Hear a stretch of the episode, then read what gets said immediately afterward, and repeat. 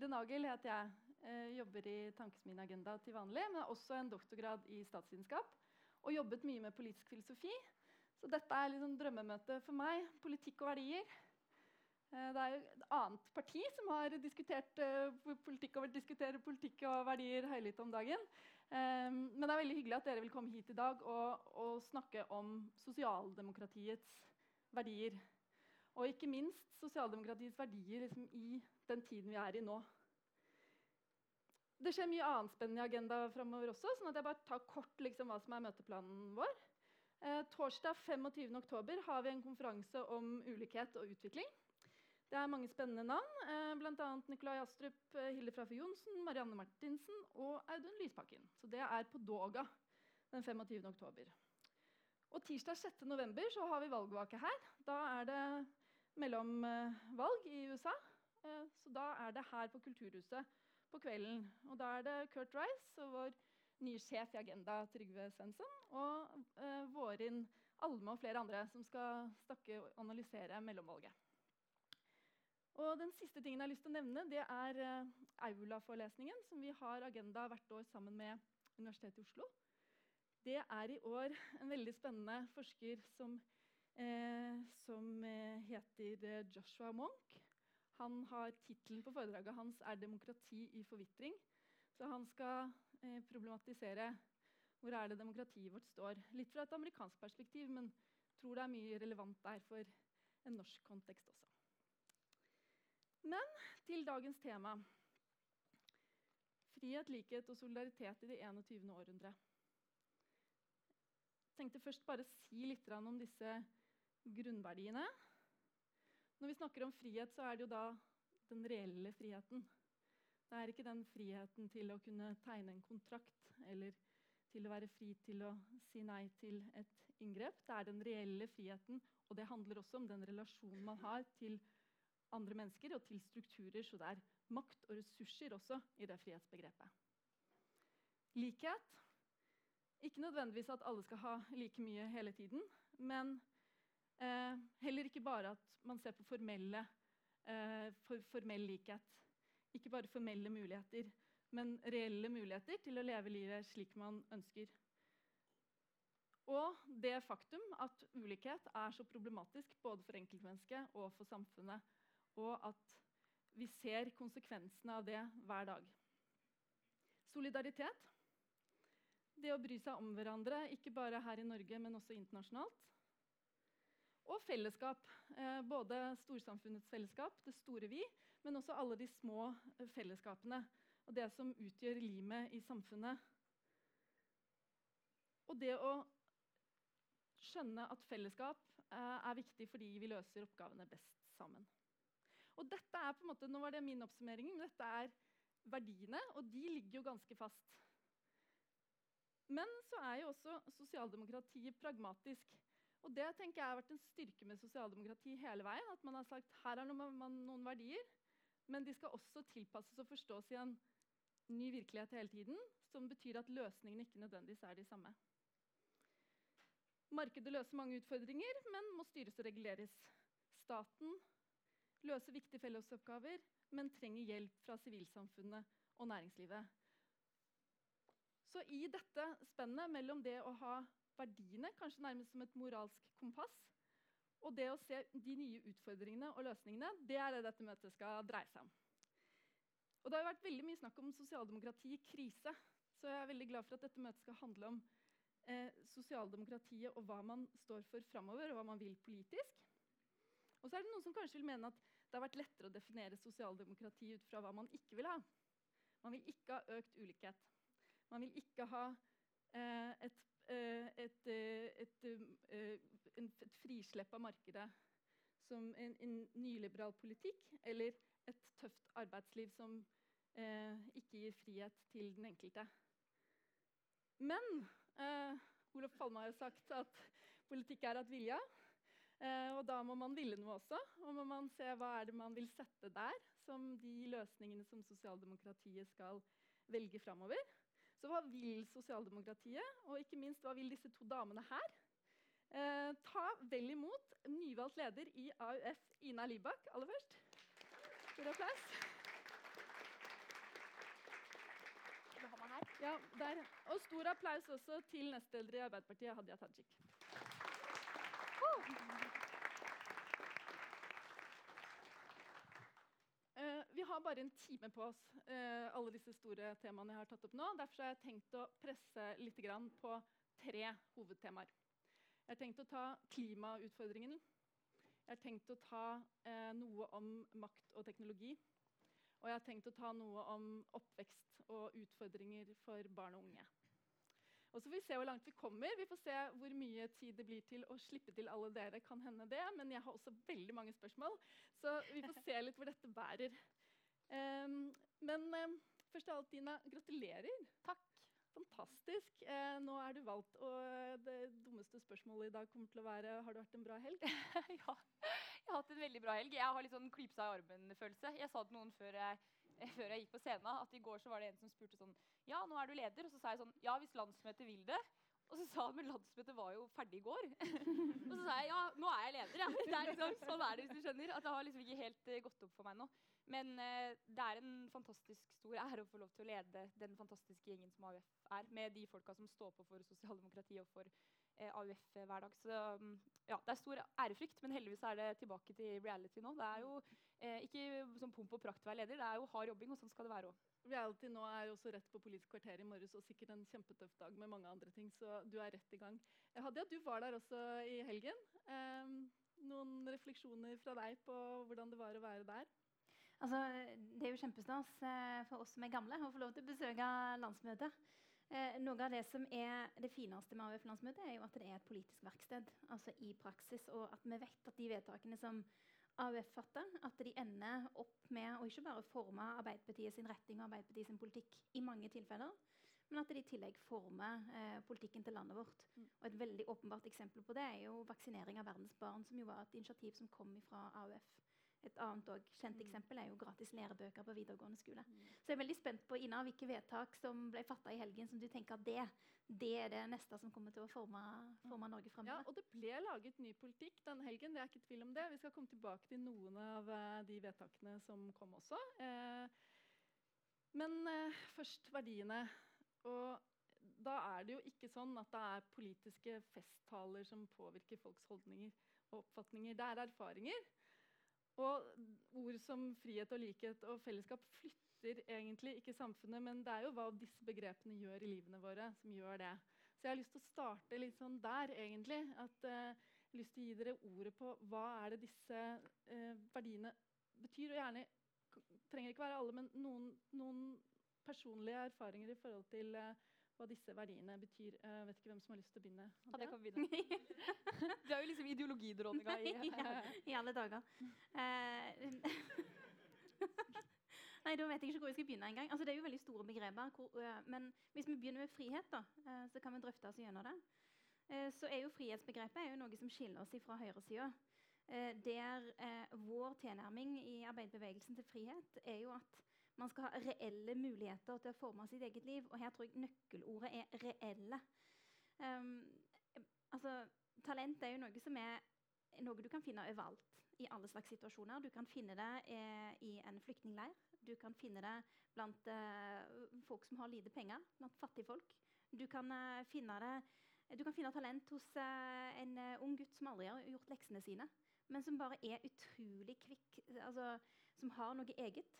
Og du kan finne talent hos noen som aldri har gått på en eneste fotballskole ever i hele sitt liv, men som likevel, når han tar i den ballen, så bare er det noe helt spesielt over måten han håndterer det på. Um, men selv om talent fins overalt, så fins ikke muligheter overalt.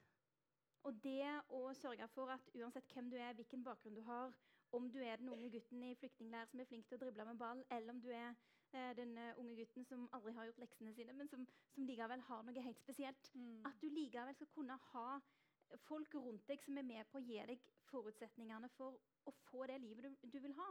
Det er det eh, jobben vår går ut på da, som, som sosialdemokrater.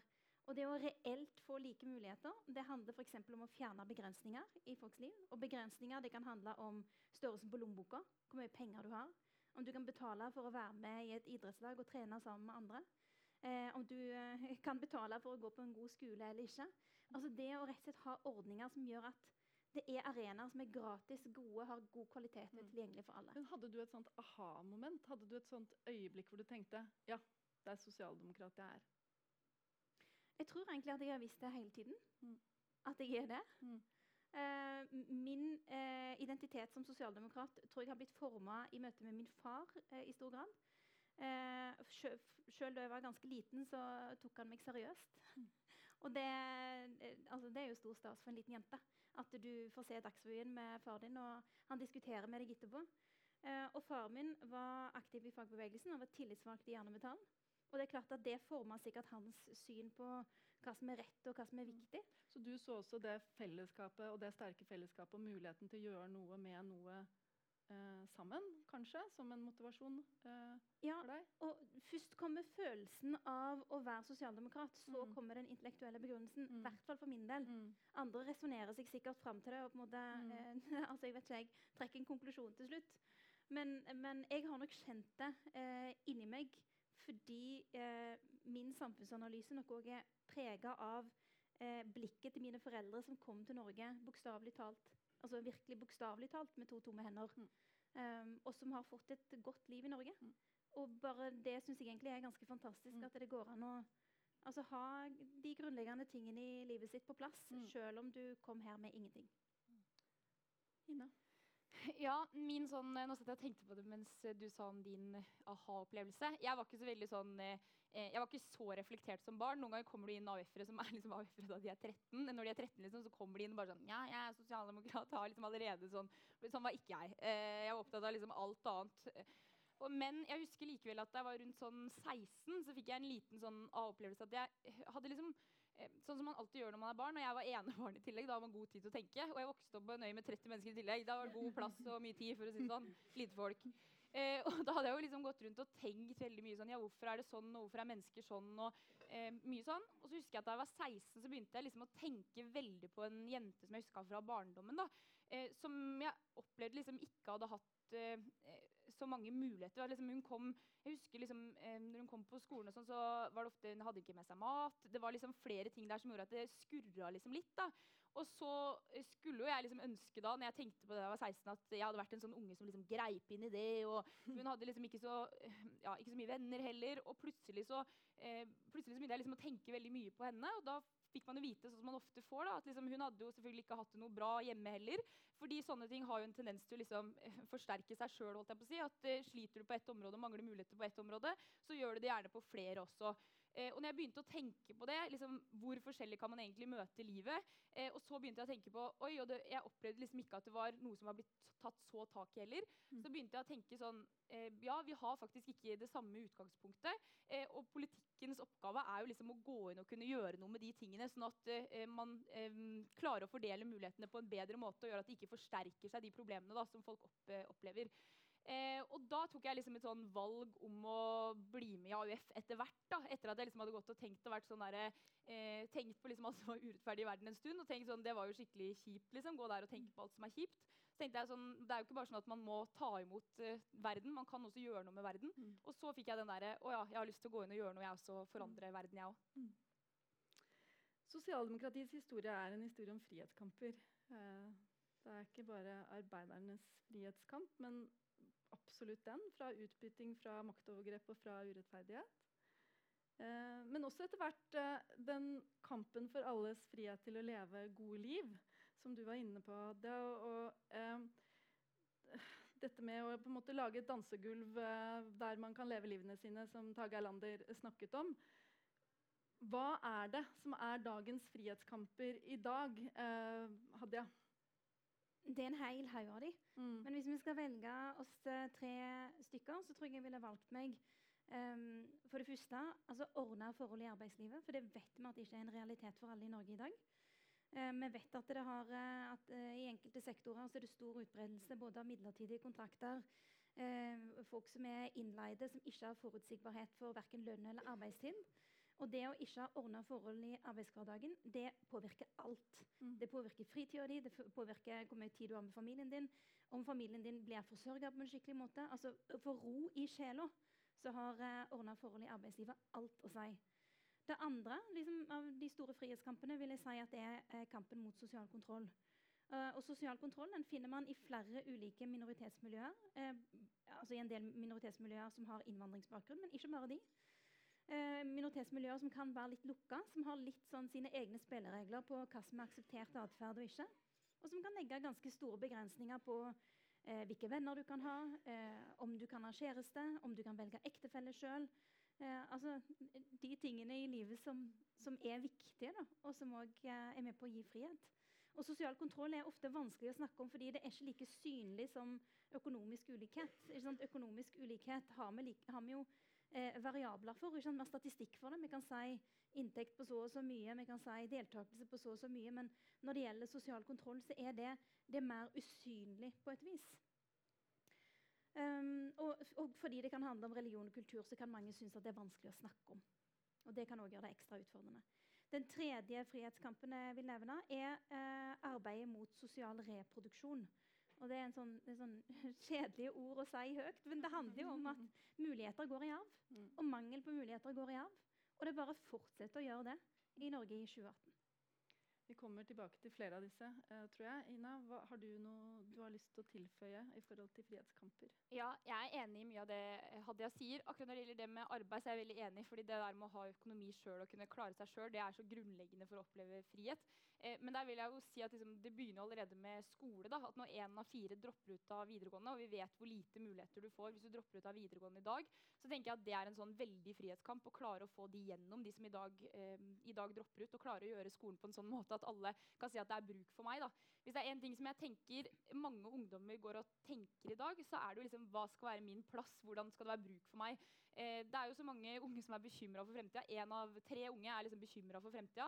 Eh, og, og, det synes jeg er veldig sånn, det tallet gjør meg nesten mer bekymra enn mange andre tall. Det er vel egentlig bare det FN-klimatallet som gjør meg på en måte mer bekymra enn det. egentlig.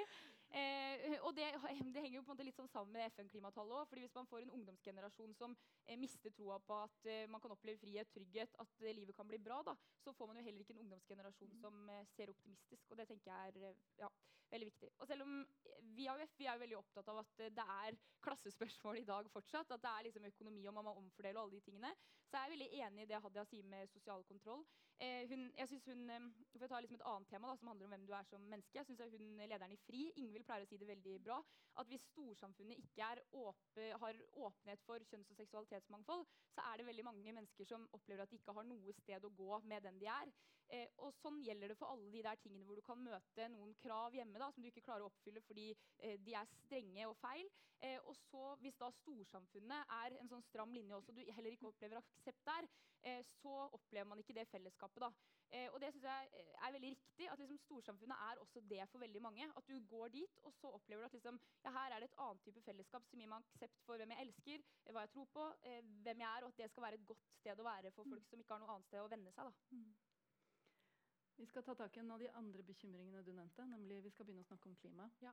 Eh, jeg prøvde å velge tenkte, er, Det var ikke tvil om hva som var den, den, jeg ikke kom utenom, og det var klima. Det tror jeg jeg deler med veldig mange.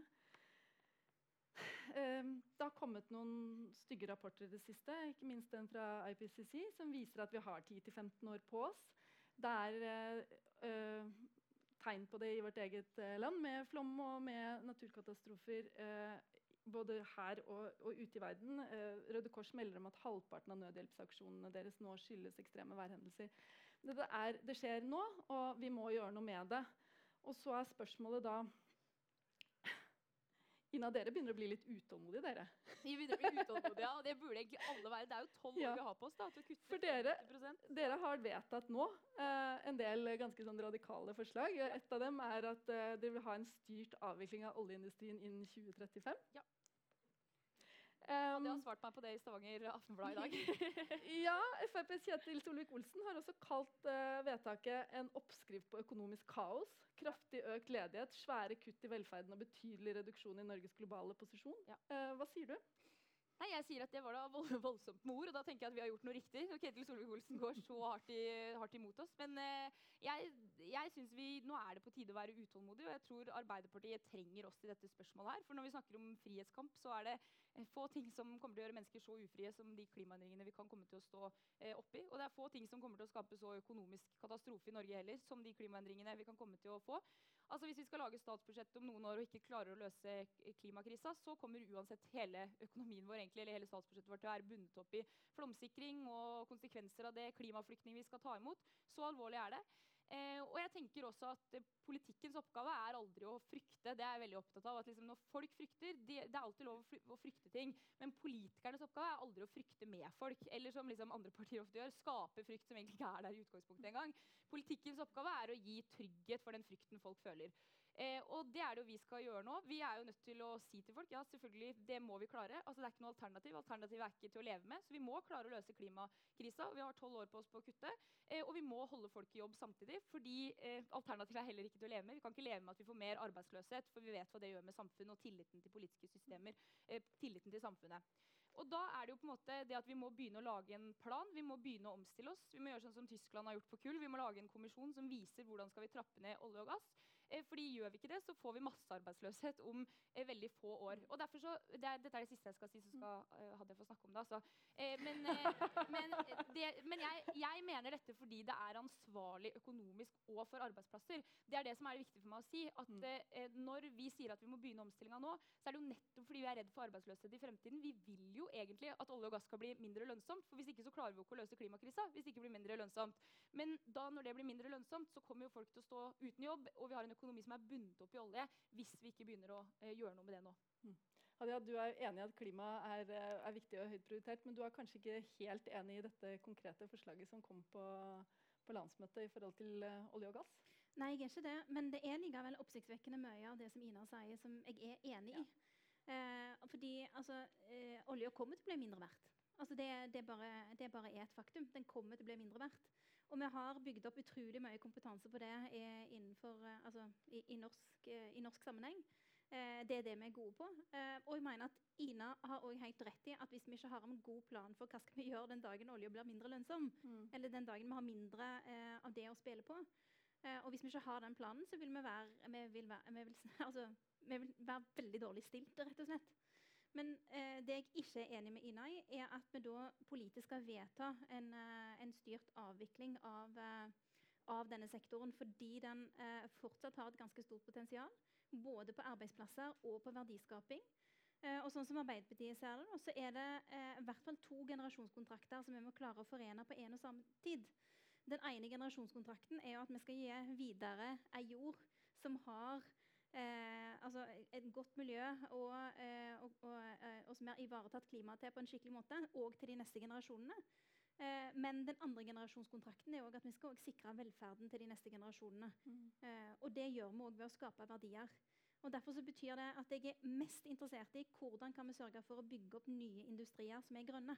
Mm. Og, og, nye teknolo teknologiske satsinger som er grønne, som kan ha stort potensial for verdiskaping. Og realiteten er at per nå så har vi ikke noen industrier som kan overta den posisjonen som olje- og gassindustrien har. Mm. Fordi en arbeider innenfor olje og gass eh, genererer 14 ganger så mye inntekter for Norge som det en landbasert arbeider gjør. Mm. Men, men, la oss nå si da, at hvis vi tenker oss, liksom sånn, tenker oss litt videre, så mener jeg jo eh, at vi burde bruke verdiene fra olje- og gassektoren i mye større grad enn i dag til å overføre kompetanse til å bygge nye industrier.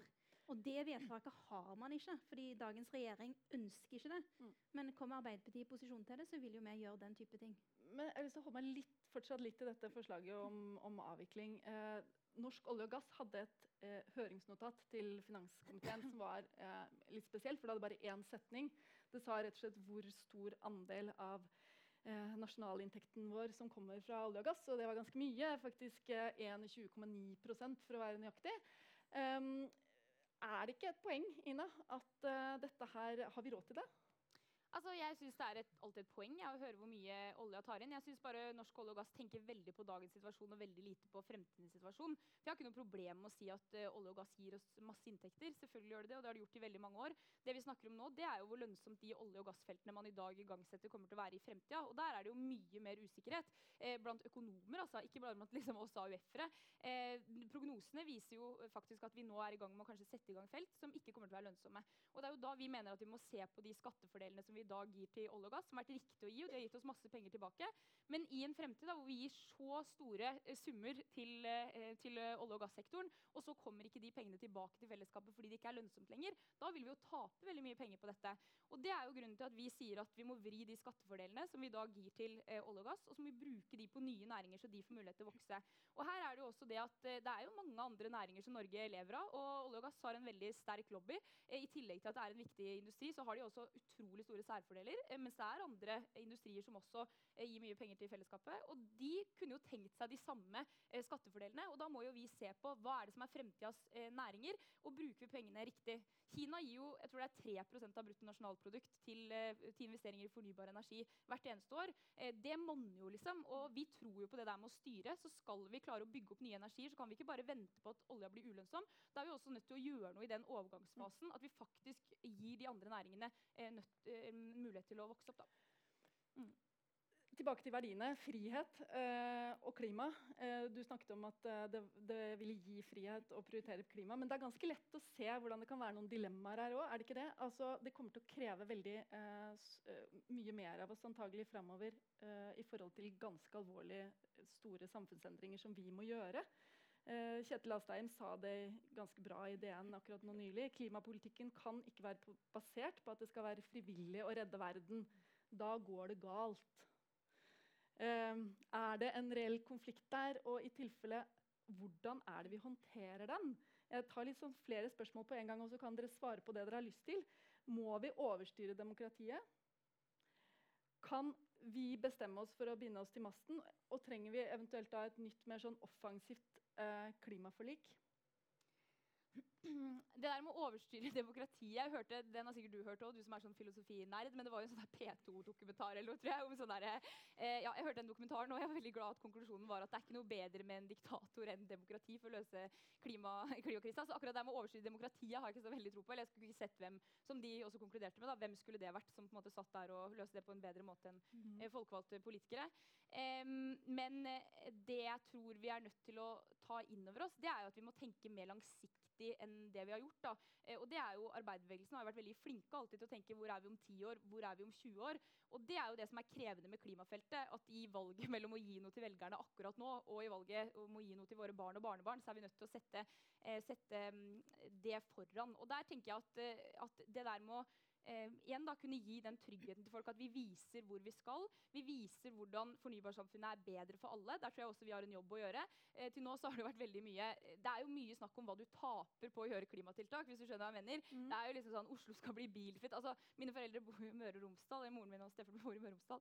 Eh, og, og de har jo hørt alt om bilfritt Oslo. De tror jo det nesten ikke går an å kjøre i Oslo, selv om de, liksom, de bor jo et helt annet sted. Fordi man hører om hvor bilfritt Oslo er, og det, man kommer seg ikke frem, og alt er liksom forferdelig med det. Det samme liksom rushtidsavgift. Vi kaller det rushtidsavgift. Kunne jo egentlig kalt det friskluftsavgift, på en måte, for det er jo det det handler om. At folk ikke skal dø når de går ut fordi de har astma og ikke kan puste lufta.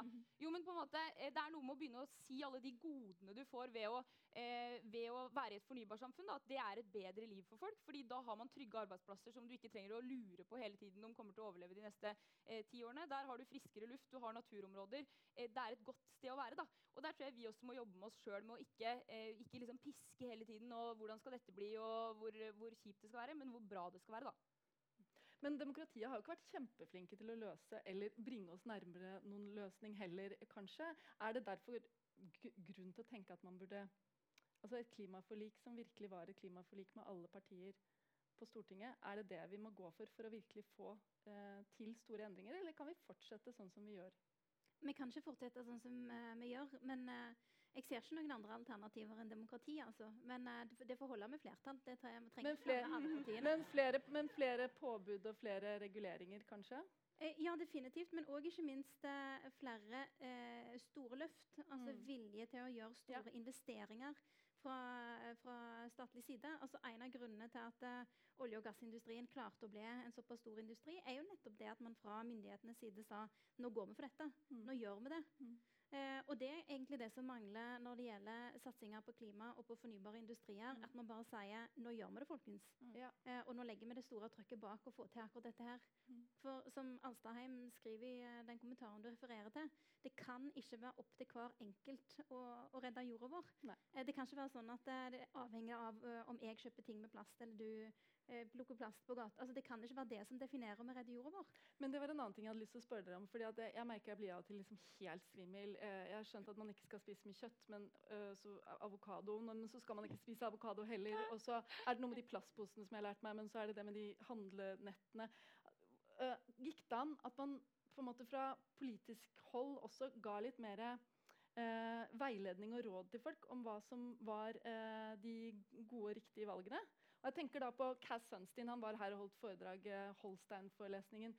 Uh, nei, Holberg-forelesningen, mener jeg. Og han snakket om det om nudge. ikke sant? At du dytter litt. Du, du legger til rette for at folk skal kunne treffe gode valg. Du legger til rette for at jeg skal skjønne at det er på en måte klimavennlig, og det er ikke klimavennlig. Er det en oppgave for politikerne framover å gjøre mer det?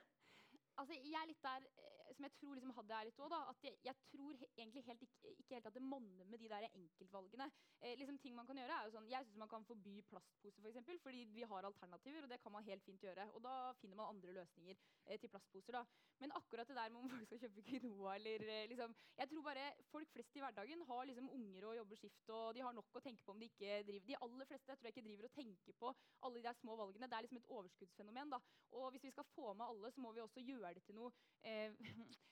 da må den klimadugnaden passe liksom både i distriktet, den må passe i byen. Eh, den må passe for absolutt alle. Da. Alle må oppleve at eh, dette er noe som eh, de kan være med på.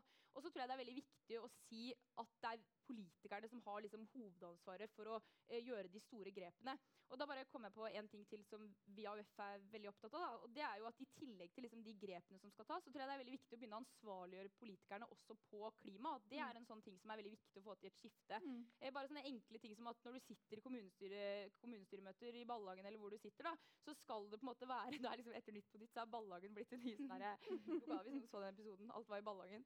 Eh, og mm, da sitter man liksom der, og i stedet for å bare få den økonomiske situasjonen i kommunen din, så burde du også få klimakonsekvensene, eller hvordan man ligger an klimabudsjett, burde man ha overalt. Det samme på Stortinget. Eh, når man skal ha store olje- og gassinvesteringer, eh, så burde man ikke bare ha en sånn grense for hvor stor økonomisk konsekvens det skal ha, hva som skal behandles i Stortinget. Det burde også være klimakonsekvens. Hvis det er så så mye klimakonsekvens, burde det inn i Stortinget. Eh, at det burde bli en ramme, for da blir det liksom den der ramma du forholder deg til i politikken, ikke bare den økonomiske ramma. Og da tror jeg en del av de andre tingene kommer etter hvert òg, fordi da får du den nye måten å tenke på som er at klima ligger til grunn.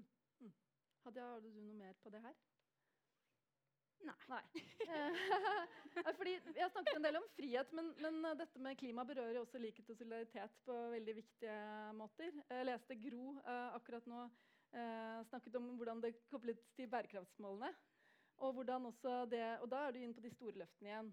Eh, dere hadde også et annet interessant vedtak. Og nå er jeg spent på hva som kommer. Ja. Øke bistanden med 3% hvor 2% skal gå til grønne løsninger og teknologioverføringer. Ja. Mm. Det er jo friskt. Det er friskt, ja. Altså det Vi gjør på Ahus, vi er glad i å bruke penger. ja. Nei, men Det er ikke nødvendigvis akkurat dette tiltaket nå, men mer hvordan tenker dere at vi kan jobbe godt internasjonalt for å nå eh, å gjøre noe med, eh, i forhold til, eh, til, klima? Vi har snakket litt om hva vi hver enkelt kan gjøre, kanskje ikke så mye politikerne i Norge, en del. Men hva kan, gjøre, hva kan Norge gjøre eh, som pådrivere internasjonalt? Ja, Vil du begynne? Eller skal jeg begynne? Altså, eh, Norge kan gjøre litt. Eh, vi kan være med på å forme enigheter internasjonalt på klima. Eh, men det er en ganske stor utfordring at eh, mange eh, land som det ville vært viktig å ha med i den type sammenheng, trekker seg mer tilbake. Eh, er mer opptatt av proteksjonisme, sine egne grenser. mindre opptatt av multilateralt samarbeid. og det åpenbare eksempelet på et land som har trukket seg veldig tilbake i den sammenhengen, er jo USA. Eh, og der presidenten er dønn tydelig på i alle internasjonale sammenhenger at han, at han, egentlig ikke vil være der. Altså, jeg var på FNs generalforsamling eh, sjøl nå i høst. og eh, Da kom han for seint til innlegget sitt. og Jeg nesten mistenker at han gjorde det liksom demonstrativt. bare sånn for å si at dette er ikke viktig for meg. Dette er ikke en viktig arena. Jeg har viktigere ting å gjøre. Og det, alt det foregår egentlig liksom, på andre arenaer enn en akkurat her. Men vi er nødt til å ha de store landene med oss og skape enigheter eh, land imellom på hvordan eh, vi kan få klimagassene ned og ha større satsinger på, på teknologi ja. og grønne industrier. Ja, em, det, som jeg tenker er liksom viktig med eh, det vedtaket vårt, da, det er at vi ønska å skille liksom det med bistand og Mm. det med, eh, med investeringer som er grønne i utlandet. Og det er jo rett og slett fordi eh, i en periode så har jo Norge liksom regna ting egentlig som bistand som egentlig har vært litt å kjøpe oss ut av å kutte hjemme med å, kjøpe, med å kutte ute. Og det er jo viktig å redde regnskog. Det er, bare, det er bare veldig viktig å ha orden på hva som er hva, liksom, sånn at du ikke teller det som bistand hvis det egentlig er noe annet. da. Eh, Jeg tenker at Det der med at Norge kan investere i utlandet Vi, har, vi er en økonomi som har råd til å gjøre det, så vi kan bidra på den måten. Men jeg tenker at det liksom er to andre ting som er viktigere enn å bare rent liksom, hjelpe til i utlandet. Um, og der tenker jeg jo på det med å, å kutte hjemme. da, Både fordi hvis man får til teknologi med olje, for eksempel, med nullutslippsteknologi, så kan jo det være teknologi som hele verden kan dra nytte av. Der har jo vi, vi er først, fremst i verden liksom, på det, eh, og der kan vi eksportere den teknologien, og det kan bety masse. da. Eh, Og det er jo grunn nok også til å begynne denne omstillinga, for det, det går utover våre egne landegrenser. Og så er det jo det med at hvis vi ikke kutter noe hjemme, så er det vanskeligere å komme i klimaforhandlinger og ha legitimitet. da. Eh, at hvis du kommer i klimaforhandlingene, og så sier du liksom til de landa som eh, er mye dårligere økonomier enn oss, eh, at liksom, ja, dere får kutte og dere får holde på, men vi kutter ingenting, for vi har så rein olje skjønner dere, i Norge, at den bør vi bare eksportere. liksom. Mm. Jo, men det er på en måte sånn, da faller hele den avtalen sammen. Og det er der jeg tenker at, eh, at det med å kutte hjemme det har også et internasjonalt aspekt. For det går på hele legitimiteten til hva vi kan få til i klimaforhandlingene. Jeg er enig i det Inar sier. Samtidig så er troverdighet eh, på klima internasjonalt, eh, sånn som ting har blitt da, på en del av de, de diskusjonene som går landene imellom, eh, så har eh, posisjonen til internasjonale avtaler blitt svekka. Mm.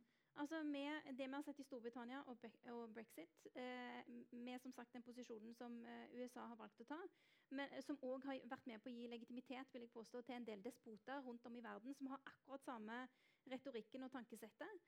Eh, og som er med på å, eh, å, å bygge ned de sterke nasjonale demokratiske institusjonene. Eh, og som gjør at, at stadig flere land mener at de er seg sjøl nok. Og det betyr egentlig at eh, samtidig som vi prøver å kjempe denne klimakampen på den måten som, som Ina også skisserer, så er vi nødt til å være til stede på internasjonale arenaer og snakke om universalisme. Mm. faktisk. Altså det, det, det må vi ha høyt på vår agenda. Og når jeg står og sier universalisme, så mener jeg altså, grunnleggende menneskerettigheter. At det gjelder for alle. Mm. At det gjelder for alle i enhver situasjon til enhver tid i en, enhver del av verden. Fordi hvis vi ikke vinner fram i diskusjonen om akkurat dette her, om at universalisme er større enn nasjonal suverenitet, som er argumentasjonen til Trump og, uh, og enkelte andre uh, statsledere rundt om i verden, at uh, mine landegrenser er, er liksom det som, er, er, det som gjelder.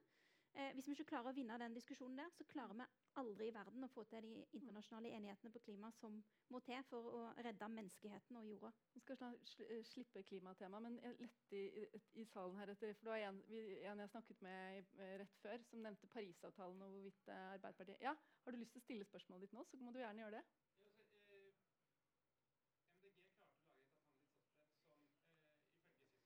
Hvis du reiser deg opp, så hører vi kanskje bedre.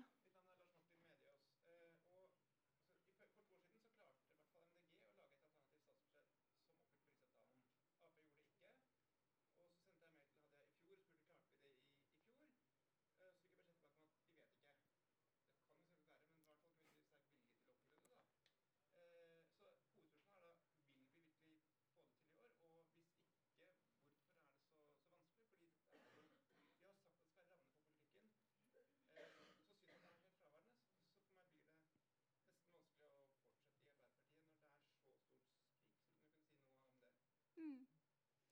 Eh, altså jeg synes Det er en god idé å jobbe på den måten. og jeg mener at I Oslo så har Arbeiderpartiet fått til den type ting. altså Med å ha synliggjøre klimakonsekvensene. Både med de målene man har, men også ikke minst hvilke tiltak er det man har for å oppnå de målene. Og hva er resultatene. Eh, og jeg også at Oslo er veldig gode på å være ærlige på hva slags resultater det er. Og i situasjoner der man ikke helt får det resultatet man egentlig er ute etter. For å vise at det er fortsatt en vei å gå. eh, og på den måten å mobilisere alle gode krefter både på offentlig side og på privat side, og, og å si, hvem den måtte være. Eh, og det er klart at vi kan eh, gjøre mer av det eh, nasjonalt òg. Um, men uh, altså, det, det er vanskeligere når man sitter i opposisjon, å få til den type beregninger og utregninger som skal til for å kunne si på en presis måte at dette er det vi gjør, og dette er klimakonsekvensen av det. Um, men når, der vi er i posisjon, så har, har man jo klart å sette det på dagsordenen. Da, da skal vi skifte tema. Uh, og jeg ser at tiden løper, så det er mulig vi bare rekker to. Og da syns jeg det som er veldig viktig å rekke nå, det er dette med oppvekst. For jeg vet at det er noe som uh, Ina AF uh, er opptatt av. Og jeg har lyst til å starte med deg, Ina. i forhold til at Jeg vet at du har vært litt sånn kritisk også til hvordan, hva slags ord vi bruker. Og hvordan vi liksom beskriver de utfordringene som barn og unge opplever. Kan du si litt om det? Ja, du tenker på det med levekår? Jeg sier, ja, litt, snakker om barnefattige, og snakker om Og så er det kanskje for det første ikke noe de som selv er i den situasjonen, kjenner seg igjen i. Og kanskje også heller ikke noe som beskriver det vi egentlig, som egentlig er utfordringen på en sånn veldig god og klar måte. Og hvis ikke politikken klarer det, så er det vel også vanskelig å tenke løsninger. Og det har du ja. sagt noe om. Ja, um, og det, det, tror jeg er sånn universelt i alt i politikken, egentlig. At uh, vi ofte har en tendens, og meg sjøl inkludert, altså, at vi bruker ord som er mer fremmedgjørende enn de er oppklarende, om ting som egentlig er veldig klart. Um, for, eksempel, for å ta ett eksempel. Da, eh, det der med um, liksom boligsituasjonen for veldig mange mennesker. Uh, og I stad snakka om det der, hvordan ting er selvforsterkende. Hvis du har dårlig økonomi og du har dårlig uh, lønn og du har barn, så ender du jo veldig ofte opp med å bo uh, ganske trangbodd, for å si det sånn. Og jeg synes Det har vært veldig mye som snakk om det. som har vært sånn, Det har vært sosial boligpolitikk, det har vært liksom levekårsutfordringer i områder. Det har vært ting som gjør at jeg har tenkt mange ganger sånn De kidsa som bor der, holdt jeg på å si, skjønner de på en måte at det er de det er snakk om? Og så syns jeg Raymond Johansen var utrolig god når han begynte å snakke om eh, de ungdommene som vokser opp steder hvor de må gå ut av leiligheten fordi det er ikke plass til at alle kan gjøre lekser samtidig. For så, så liten er den leiligheten. Da begynte det å gi mening, for det er jo ord som er lett å forstå. da.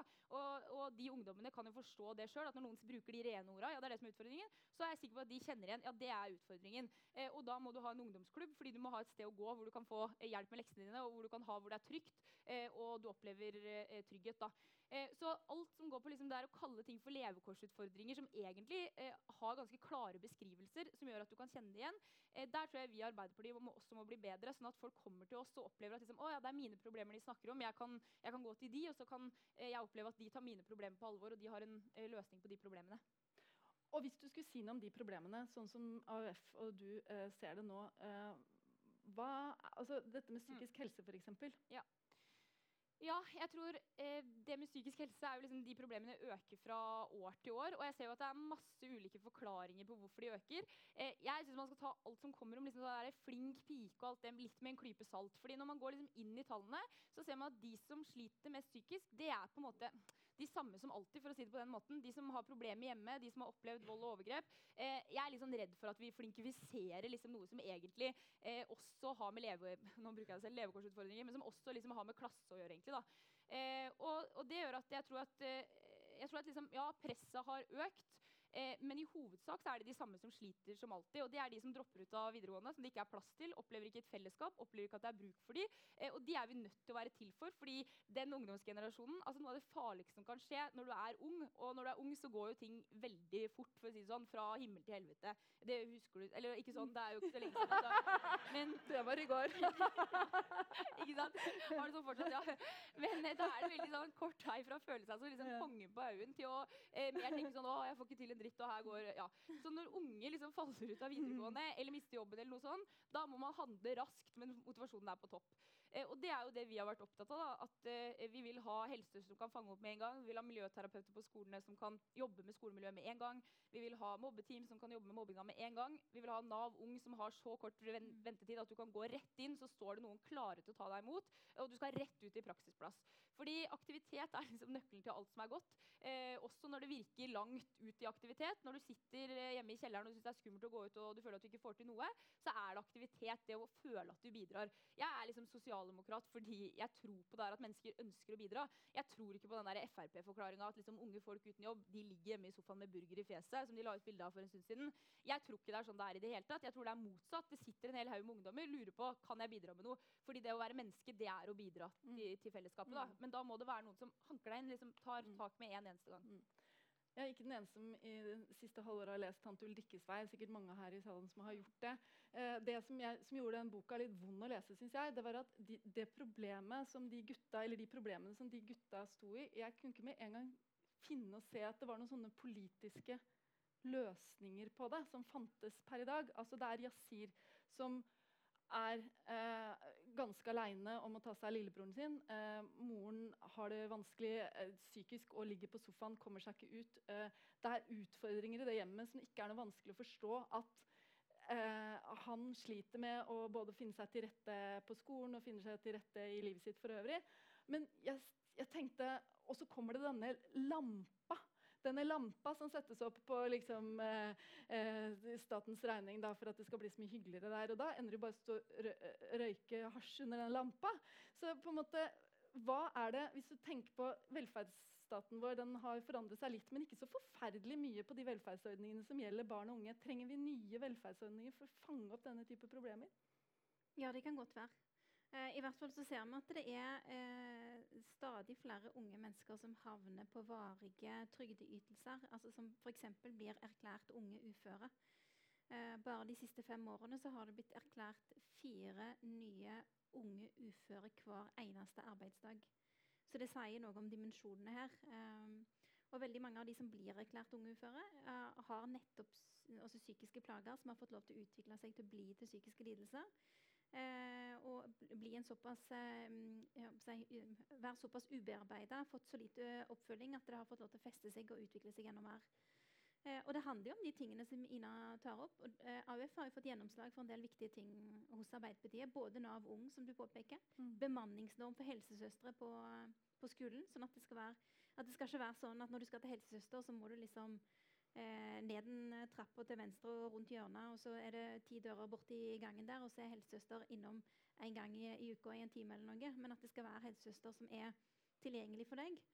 Eh, og ikke minst også elektronisk tilgjengelig helsesøster som gjør at terskelen for å ta kontakt skal være låg. At du kan sende en SMS eller at du kan ta kontakt på chat. At det ikke skal føles som et ork eh, å, å, ta den første kontakten og det første initiativet. Sånn at man får brutt noen av de barrierene. Altså I Nord-Trøndelag gjør de noe jeg syns er utrolig bra. Eh, der har de bare bestemt seg for Eller det heter jo ikke Nord-Trøndelag lenger. Det heter ett Trøndelag. ja. Sitter en trønder der som bare reagerer på én gang.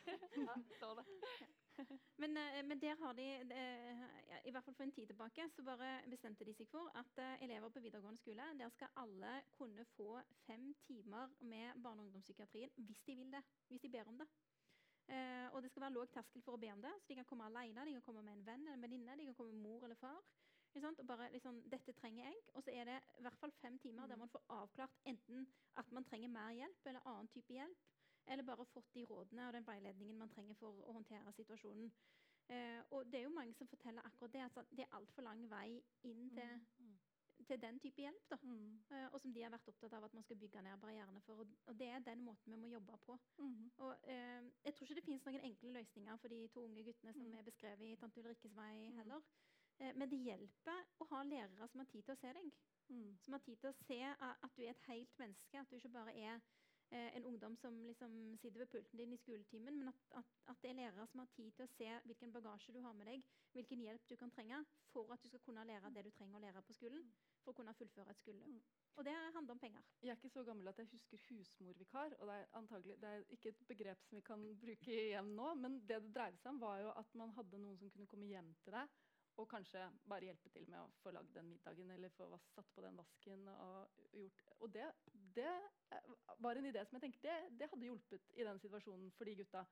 Eh, men det er, veldig, det er, ikke, det er ikke sosialdemokratisk på en måte, eller det er ikke, det er det, men det er ikke, det er ikke en typisk løsning som, som popper opp når, eh, når, man snakker om de, for de sosialdemokratiske løsningene gjerne er de universelle og de store og det å løfte, og som dere foreslår, løfte barnetrygden. Selvfølgelig, det ville hjelpe vanvittig også for denne familien. Men eh, husmorvikar Jeg tror i hvert fall eh, Jeg vet ikke helt hva det er, egentlig. for Nei. Det, er Men, det er et menneske som kommer hjem til deg og kan gjøre ikke nødvendigvis sånn at du, du skal sitte og granske sjela di eller prate, prate, om dype følelser, men bare hjelpe til med praktiske ting i en periode du trenger det. Ja. Jeg kunne veldig trengt en husmorvikar da jeg var hjemme med tre barn en periode.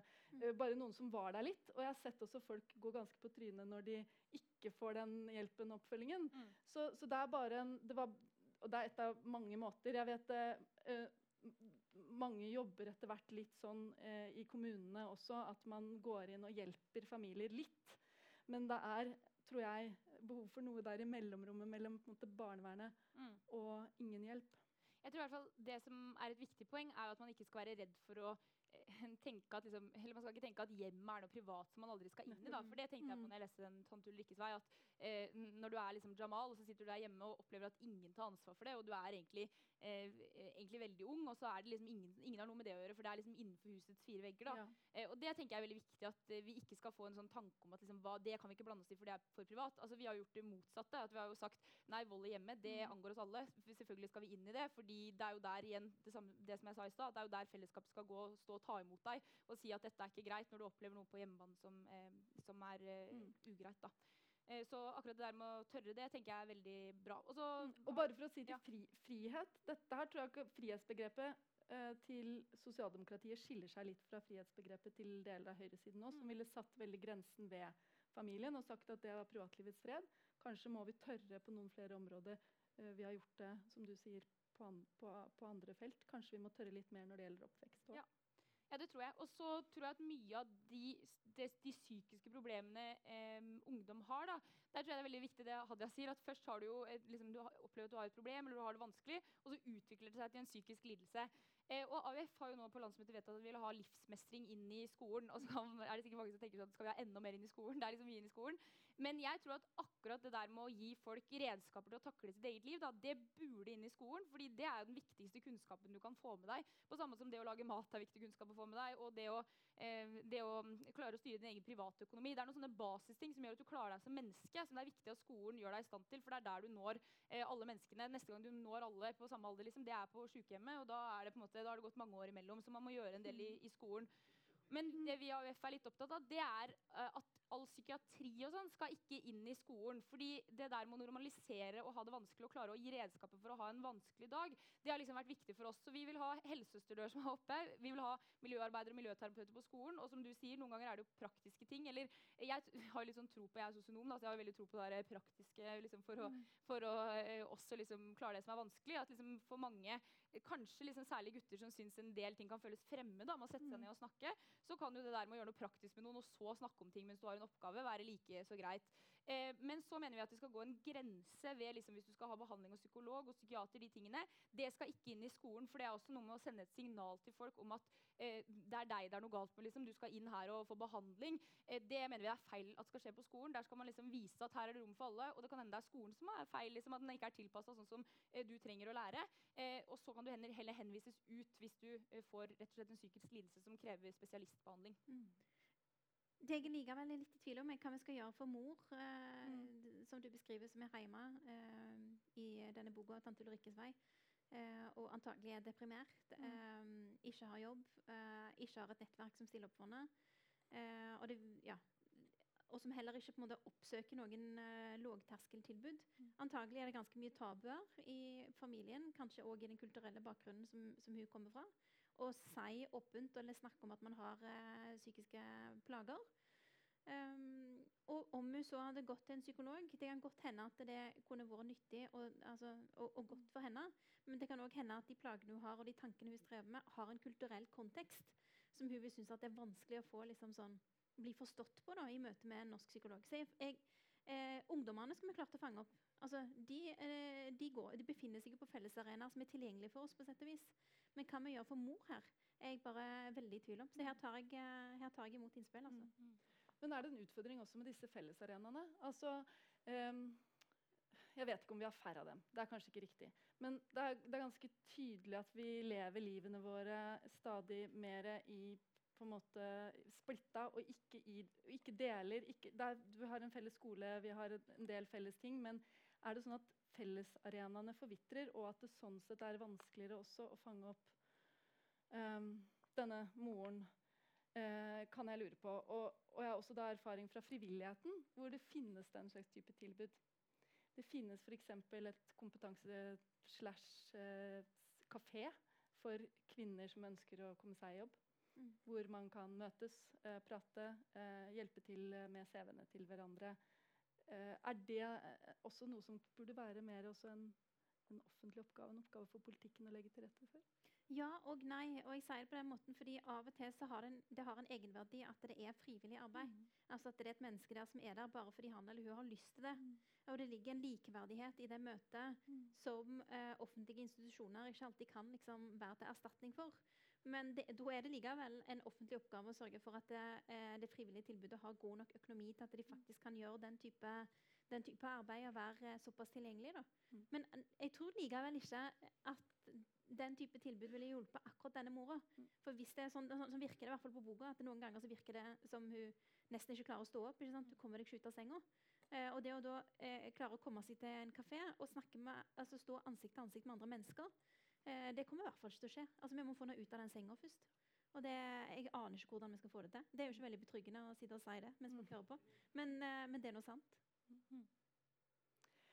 Vi nærmer oss eh, litt en sånn avrunding. Jeg har lyst til å slutte med et sånt litt eh, hva skal vi si, et spørsmål fra framtiden.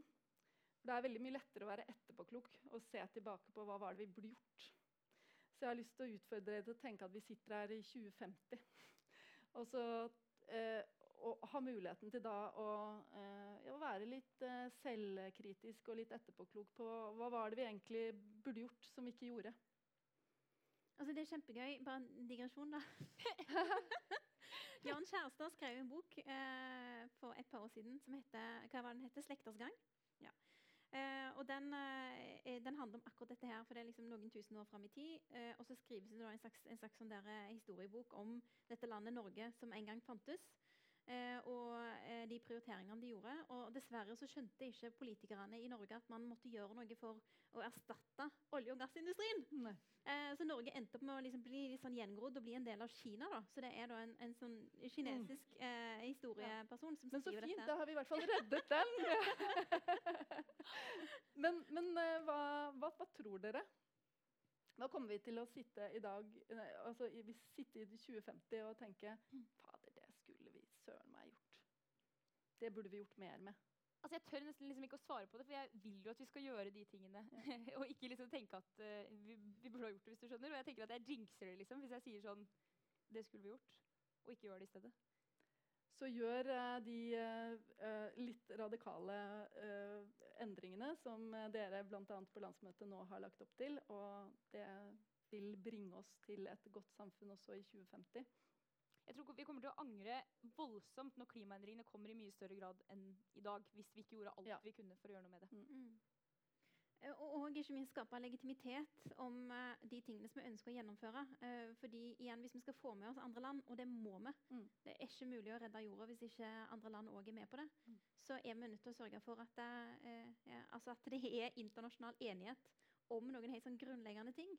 Eh, og de grunnleggende spillereglene for, eh, for eh, menneskets verdighet og respekt for natur, det, eh, det er òg noe som vi er nødt til å være pådrivere for. Og det får vi ikke til hvis vi lar det internasjonale klimaet fortsette Og nå mener jeg det offentlige, offentlige debattklimaet, da, ikke bare klimaet. Mm.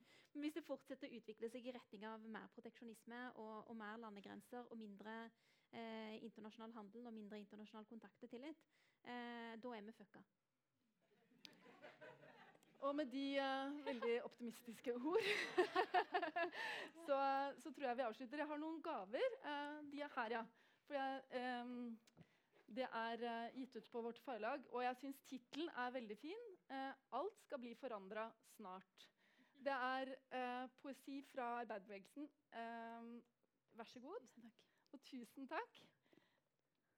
Tusen takk skal dere ha.